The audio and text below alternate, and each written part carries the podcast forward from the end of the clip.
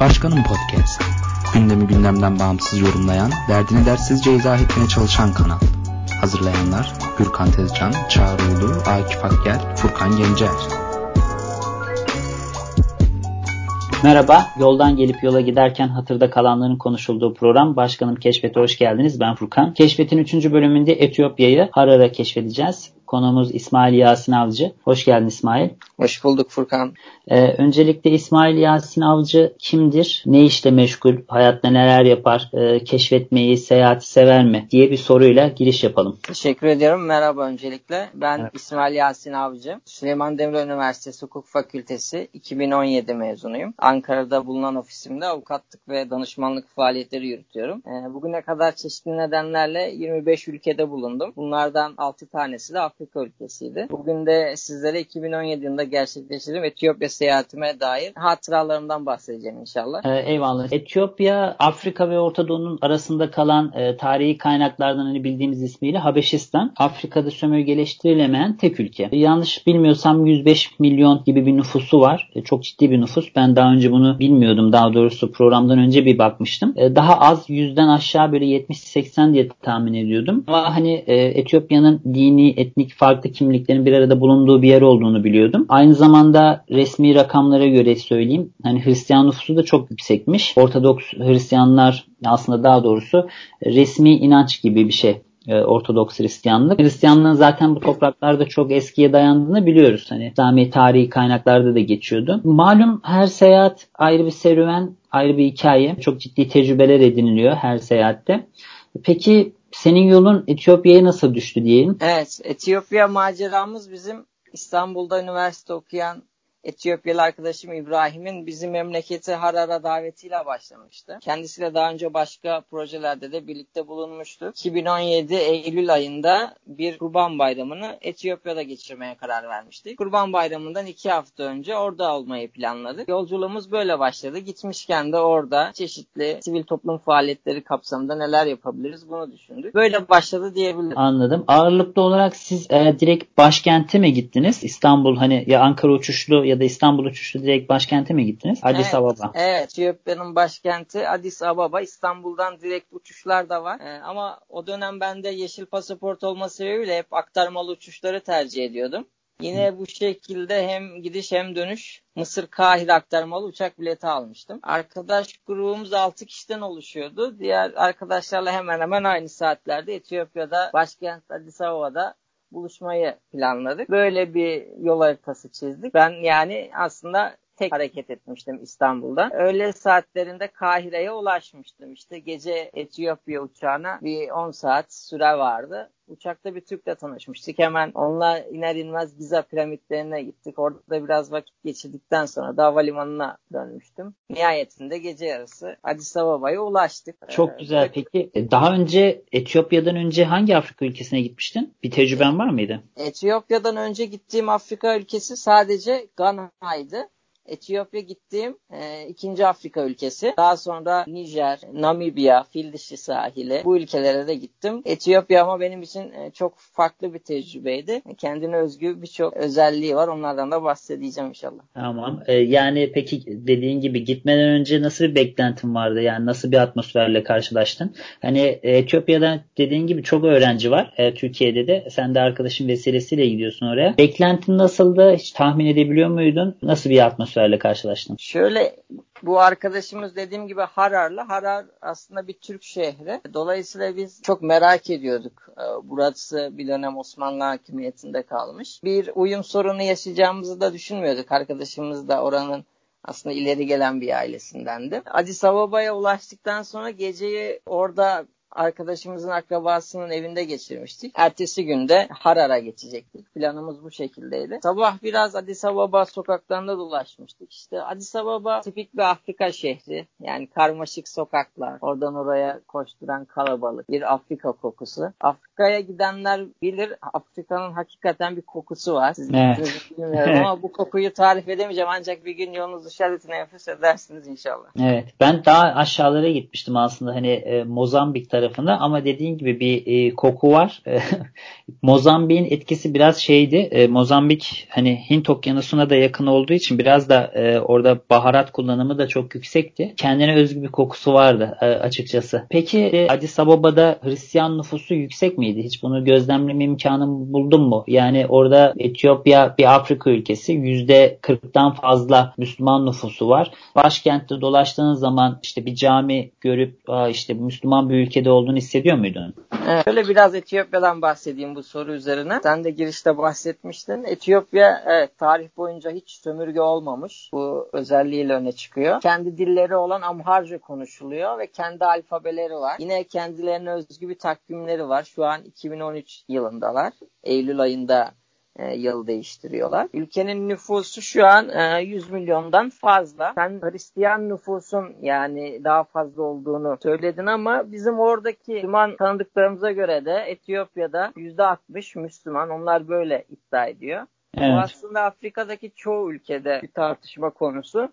Yani herkes kendi nüfusunun fazla olduğunu e, söylüyor. Ben de Etiyopya'da Müslüman nüfusun daha fazla olduğunu yani gözlemlerimden söyleyebilirim. Ancak şu da bir gerçek ki Müslümanlar tam anlamıyla cami. Yani sordun Addis Ababa'da bir ezan sesi var mıydı vesaire. Cami var ama ezan sesi duymadık biz. Nüfus biraz daha kırsalda yoğunlaşıyor. E, ama da bir gerçek ki Afrika nüfusu bilinenden çok daha fazla. Yani çünkü bu istatistiklere dahil olmayan bir ömür kırsalda yaşayan kimliksiz milyonlar milyonlarca Afrikalı var. Yani bir köye gidiyorsunuz. Yani binlerce çocuk sizi karşılayabiliyor. Belki de ömürleri boyunca hiç o köyden çıkmayacaklar. Dolayısıyla Müslüman nüfus da biraz kırsalda yaşadığı için, sıkıntılı bölgelerde yaşadığı için ben bu rakamların çok sağlıklı olduğunu düşünmüyorum.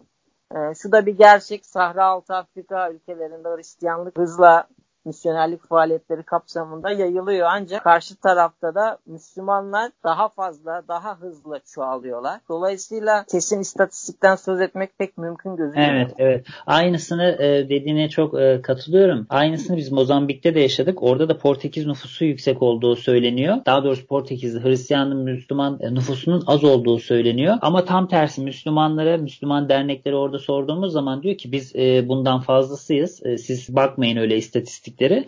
Ama işte dediğim gibi bir kurulu düzen var. İşte köyde olan çok fazla Müslüman var. Sayım yapılamıyor. O düzeni de değiştirmek pek istemiyorlar. Böyle bir durum var maalesef. İstatistiklere evet. biraz daha resmi rakamlar üstünden mecbur bakıyorsun. Çünkü Ortodoks Hristiyanlık hani resmi din diye biliyorum Etiyopya'da. Evet. E, tabii tarihsel olarak da e, çok eskiye dayanıyor. Sen peki Harar'a geçtin. Dedin ki Türk şehri gibi, İslam şehri. Harar'ı nasıl anlatırsın? Evet. Addis Ababa'da bir gün geçirdikten sonra otobüsle Harar'a geçmiştik ulaşım imkanları çok kısıtlı. Yani günde belki bir iki otobüs gidiyor ve yollar da çok kötü. Harar Müslüman bir emirlik olarak kurulmuş. 10. yüzyılda epey eski bir şehir. Yüzyıllar boyunca haç yolculuğu üzerine bir konaklama şehri olmuş. Sen de girişte bahsetmiştin coğrafi konumunu. Bu özelliğe de sahip. Şehrin nüfusu 200 bin civarlarında. Nüfus burada biraz daha Müslümanların yoğunlukta olduğu net şekilde gözüküyor. %80'i Müslüman, geri kalanı Hristiyan. Osmanlı hakimiyetine dair de 1875 ve 1885 yılları arasında Osmanlı burada hüküm sürmüş ve buraya 1500 Türk yerleştirilmiş. Bu Türklerin torunları da hala Harar'da yaşıyor biz Türküz diyenler var gerçekten. Yani fiziki olarak da bu kişiler biraz ayrılıyor gerçek diğer Etiyopyalılardan. E, ten renkleri bile biraz daha açık diyebilirim. Osmanlı o dönem buraya bir konsolosluk inşa etmiş. Bu binada TİKA tarafından restore edildi. Şu anda Türkiye Marif Vakfı Kültür Merkezi olarak kullanılıyor. Harar Etiyopya'nın surlarla çevrili tek şehri. Böyle bir özelliği var. 1550 yılında inşa edilmiş bu surlar. İslam'ın 5 şartını temsilen 5 kapı ve sur içine de Allah'ın 99 ismini temsilen 99 mescit inşa edilmiş. Hala o Müslüman kimlik korunuyor. Bu surlara dair çok ilginç bir efsane anlatılıyor. Ondan da bahsedeyim. Tabii çok iyi olur. Dönemin hükümdarı Amir Nur e, surları inşa ettirmeye karar verdiğinde bölgenin bölgede bulunan daha doğrusu Sırtlanların lideri Amir Nur'un yanına geliyor. Yani efsane bu. Efsaneye göre Amir Nur da Sırtlanların dilinden anlıyor. Sırtlanların lideri avlanmalarını engelleyeceği, av yollarını kapatacağı için bu surların inşa edilmesine karşı çıkıyor. Amir Nur da surlara Sırtlanların geçebileceği alçak kapılar inşa edeceğini söylemiş. Gerçekten de şu anda surlarda sadece e, sırtlanların geçebileceği yükseklikte kapılar var ve her akşam şehre sırtlanlar geliyor. Biz de gördük. Kararlılar bu sırtlan kapılarına yiyecekler bırakıyorlar. Sırtlanlar gece do- sokaklarda dolaşıyor. Yani şimdi muhakkak bizi dinleyen arkadaşlar olur mu öyle şey diyeceklerdi. yani gözümle görene kadar ben de inanmıyordum. Bu gelen sırtlanlar kesinlikle evcilleştirilmiş hayvanlar değil. Yani herhangi bir kapalı alanda tutulmuyorlar. Araziden, tepelerden kendileri geliyor. Şu anda Amir Nur gibi sırtlanların dilinden anladığını iddia eden Abbas adında biri var. Hararlı Abbas diyebiliriz. Her gece bir tepenin başında böyle çeşitli sesler çıkararak sırtlanları çağırıyor. Adam resmen bunu gelir kaynağına dönüyor. Turistler de 5-10 dolar karşılığında sırtlanları besleyip fotoğraf çektiriyorlar. Ben de ağzıma aldığım bir çuva et takarak bir sırtlanı beslemiştim. İyi. Evet güzel bir tecrübeydi. Yani videosu da var internette YouTube'da da bakabilir arkadaşlar. Belgesellere konu olan bir olay. Ben bunu yayın e, Twitter'dan paylaşırım zaten linki de. Eyvallah. Yani böyle ilginçliklerin bir arada barındığı bir şehir diyebilirim Harare. Evet, ilginç çok gerçekten. Sırtlanların e, dediğin gibi vahşi sırtlanlar hiç orada bir değişiklik olmamış mı ya? E, bir saldırır Evet. insana ondan Onu sonra da sordum oradakilere. Dedim yani bu sırtlanlar evcilleştirmemiş. Dağdan geliyorlar buraya, araziden geliyorlar. Neden saldırmıyorlar falan. İşte bunlar bu efsaneyi anlatıyor halk. İnanıyorlar yani bu efsaneye. Ve gerçekten de 10 kilometre öteye git diyorlar başka bir köye, başka bir ilçeye, şehre. Sırtlanlar insanlara saldırır. Yani kesinlikle yaklaşamazsın ama o bölgede insanlara yaklaşabiliyorlar. Ağzımızdan resmen et veriyoruz. Çok garip bir hadise. Ben de hala aklımda oturtamıyorum yani. Hmm, anladım eyvallah.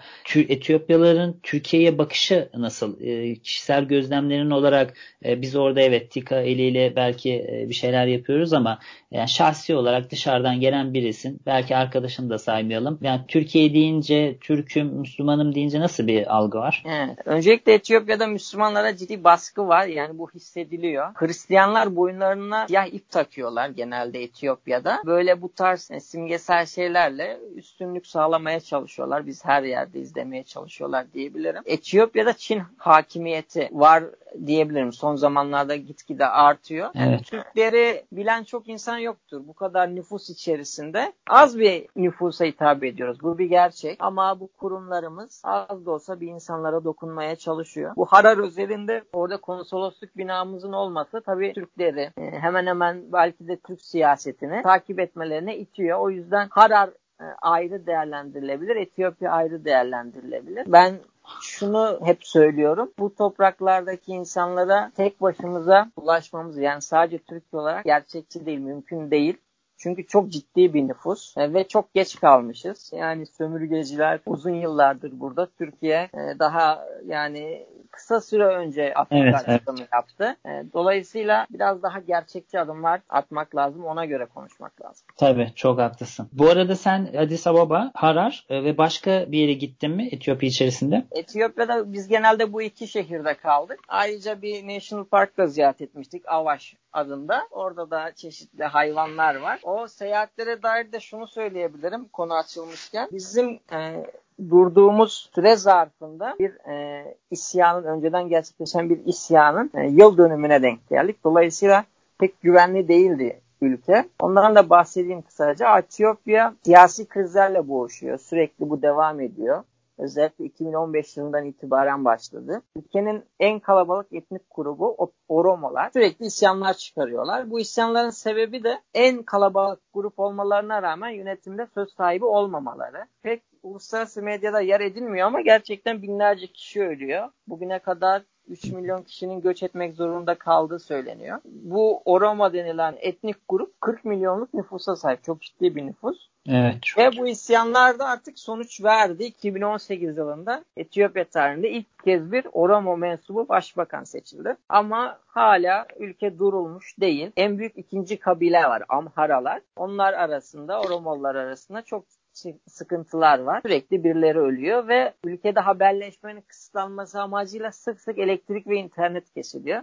Bu da Türk medyasına yansıyor. Belki denk gelmişsinizdir. Biz oradayken de elektrik olmadan çok gün vardı. Dolayısıyla dolaşamadık diyebilirim tüm şehirleri. Yüz ölçümü itibariyle de büyük bir ülke ama Addis Ababa ve Harar görülmesi gereken iki büyük şehir diyebilirim. Tabii bir de dediğin gibi biraz da ülkenin özeti gibi iki şehir. Burada Çin'in dışında hani tam oraya kısaca bir geçeyim. Çin'in dışında hangi ülke var sence? Orada öyle söylüyorlar mı? Çünkü ben, eleştirilmiyor ama. Evet. E, benim e, şahsi kanaatim, e, gözlemim de başka bir ülkeyi ciddi manada hissetmedim. Ama genel itibariyle Fransızların ve İngilizlerin tüm Afrika kıtasında güçlü olduğunu unutmamak gerekiyor. Etiyopya'da da bu bahsettiğim isyan olayında Fransız e, turistlerle e, bir yerde oturmuştuk. Çok ciddi şekilde isyanın detayları hakkında adamların haberi vardı ve bize e, bilgiler veriyorlardı yani. Yere gideceğimizde bazen onlara sorduğumuz bile oluyordu yani. Büyükelçilikleri vatandaşını çok e, detaylı bir şekilde bilgilendiriyordu. Böyle bir gözlemim oldu.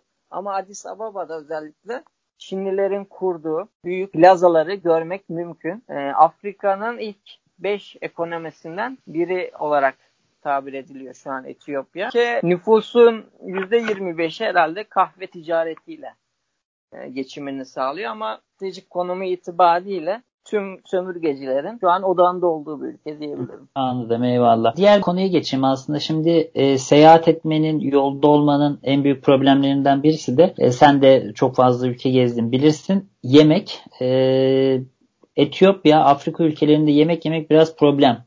E, burada sen nasıl yaptın? E, geleneksel yemekleri tadabildin mi? Evet.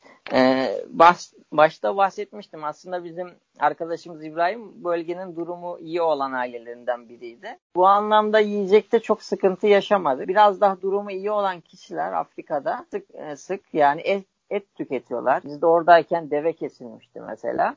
E, bu tarz imkanlar var ama tabii çok fakir bir ülke. Bu imkanlara herkes ulaşamıyor. Geleneksel yemek olarak da şu an aklımda kalan bir şey yok. Bol bol meyve tüketiyorsunuz Afrika'da. Evet. E, onun haricinde çeşitli yine hamur işleri var ama Etiyopya özgü şu yemeği mutlaka yiyin e, diyemeyeceğim. Et konusunda çok farklı baharatlar kullanıyorlar. Aynı şekilde pilava da garip garip baharatlar atıyorlar. Bizim damak, damak tadımıza biraz farklı bu tat. Ama mutlaka oraya gittiklerinde e, bu farklı baharatlı etlerden, pilavlardan yemelerini tavsiye ederim arkadaşların. E, Etiyopya denilince burayla bütünleşen bir diğer şey de GAT adlı uyuşturucu madde. E, yemek bir tarafa bu tüketiliyor. Emek değil, karın doyurmuyor ama onlar için e, çok önemli bir ihtiyaç ne yazık ki. Gat, Etiyopya kökenli bir ağaç. Etiyopyalılar bu ağacın yapraklarını çiğneyerek tüketiyor. Bu bir uyuşturucu aslında. Hmm. Dünya genelinde de böyle kabul ediliyor ve yasak ama Etiyopya, Yemen başta olmak üzere birçok Afrika ülkesinde serbest. Hep belki görmüşsünüzdür fotoğraflarını. Yemen'de özellikle çok yansıyor. Böyle yanağı şişen insanlar. Evet. İşte o gat çiğneyen insanlar. Bu Etiyopya'da çok kullanılıyor. Yani yeme içme bir tarafa, gat bir tarafa. Nasıl bir etkisi oluyor genel olarak? Ee, insanı uyuşturuyor. Biraz bunu çiğneyen kişiler benim yanımda bulundu. Ben çiğnemedim. Gördüğüm tamamen adamlar başka bir boyuta geçiyor gibi sana boş boş bakıyor. Pek konuşmuyor. Pek hareket etmiyor. Öylece duruyor yani diyebilirim. Adamı dinlendiriyor belki de öyle hissediyorlar e, hararlardan %90'ı gaz kullanıyor. Yani Müslüman bir nüfus olmasına rağmen çok üzücü. İlginç. Öyle ucuz bir şey de değil yani. Sonuçta bu parayla satın alınıyor. Kolay bulunabilir değil aslında. Şöyle yani her yerde satılıyor. Sokaklarda her yerde gaz satılıyor ama öyle çok ucuz bir mal değil yani. Bağımlı birisi günde birkaç dolarını buna harcaması lazım. Ve adamlar bağımlı gerçekten. Sabah akşam bunu çiğniyorlar. Bu isyanla alakalı bir, e, bu GATT'la alakalı yine e, hatıram var diyebilir. Bu isyanın yıl dönümünde işte iş yerleri, devlet daireleri, o Roma isyanının kapatıldı. Biz bayağı şehir, ülke durdu diyebilirim yani askerler sokağa çıktı vesaire.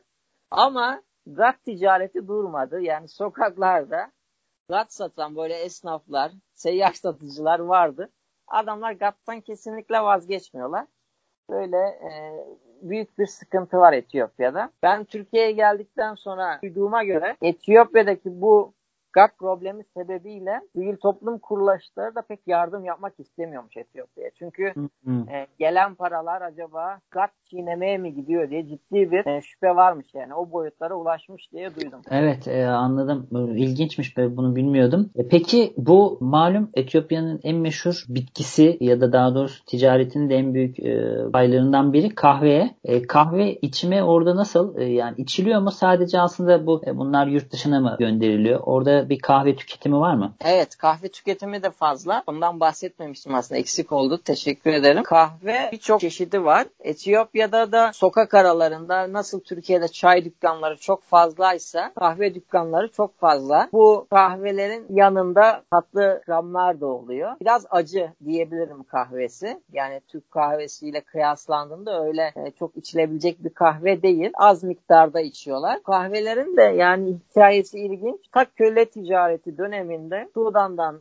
gelen köleler o zaman Sudan'daki kahve popülasyonuna binaen bu kahveleri e, çiğneyip yollarda tükürürken kahve meyvesini de bir şekilde Etiyopya'ya getirmişler. Böyle anlatılıyor. Kahve öğütme e, yerleri çok fazla. Ucuz yani. muydu peki? Daha çok hani böyle paket paket alma imkanın oluyor muydu? Evet biz de epey aldık yanımızda. Çok Türkiye ile kıyasladığında ucuzdu. Yani şu anki kurla belki kıyaslayamam ama yani gerçekten ucuzdu. Epey yanımızda getirmiştik ama Türkiye'deki tanıdıklarımız çok içemedi diyebilirim. Biz orada iki haftada her gün neredeyse içiyorduk ama Türkiye'dekiler pek içemedi. Acı geldi. Makineyle yapmıyorlar değil mi? Direkt cezve tarzında mı? Nasıl oluyor evet, daha çok? Sok- sokakta küçük e, ocakların üzerinde nasıl denir? Biraz daha eski tabirle nasıl söylenir? Testi mi denir? E, kum testi mi denir? O tarz Hı-hı. şeyler de yapılıyor. Şu an adı aklıma gelmedi. Vardır ya bizim testilerimiz. Ona ne Aa. denir? Aklıma gelmedi şu an.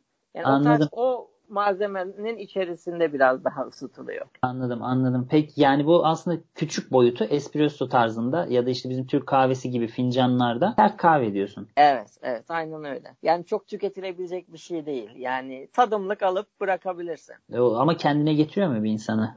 evet kesinlikle getiriyor. Belki de yani gat içtiklerinden öyle serttir. Kendilerine gelmeleri için belki de gat içtikten sonra kahve içiyorlardır yani. O da o, olabilir, olabilir doğru. Eyvallah. E, çok teşekkür ederim İsmail. E, söylemek istediğin başka anlatmak istediğin e, var mıydı? Ben de teşekkür ederim. E, güzel bir sohbet oldu.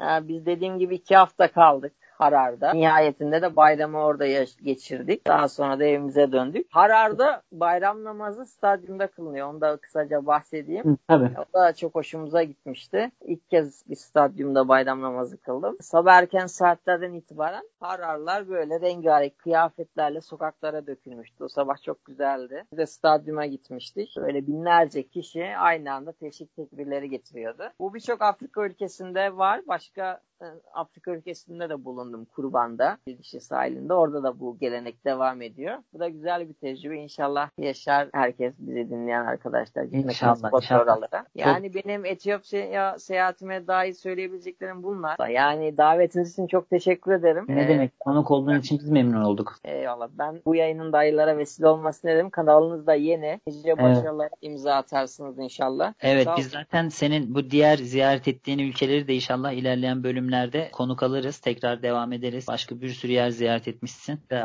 Anılarını, hatıralarını dinlemek isteriz. Teşekkür ederim Furkan. Seve seve katılırım inşallah. Tamam, tamamdır. Çok teşekkür ederiz dinleyenler için. Başkanın podcast keşfetin bu haftaki bölümünde, bu yayınında Etiyopya'yı Harar'a özellikle konuştuk. İsmail Yasin Avcı bizimle birlikteydi. Başkanın keşfetin diğer bölümlerinde tekrar görüşmek üzere. Hoşçakalın. Kendinize iyi bakın.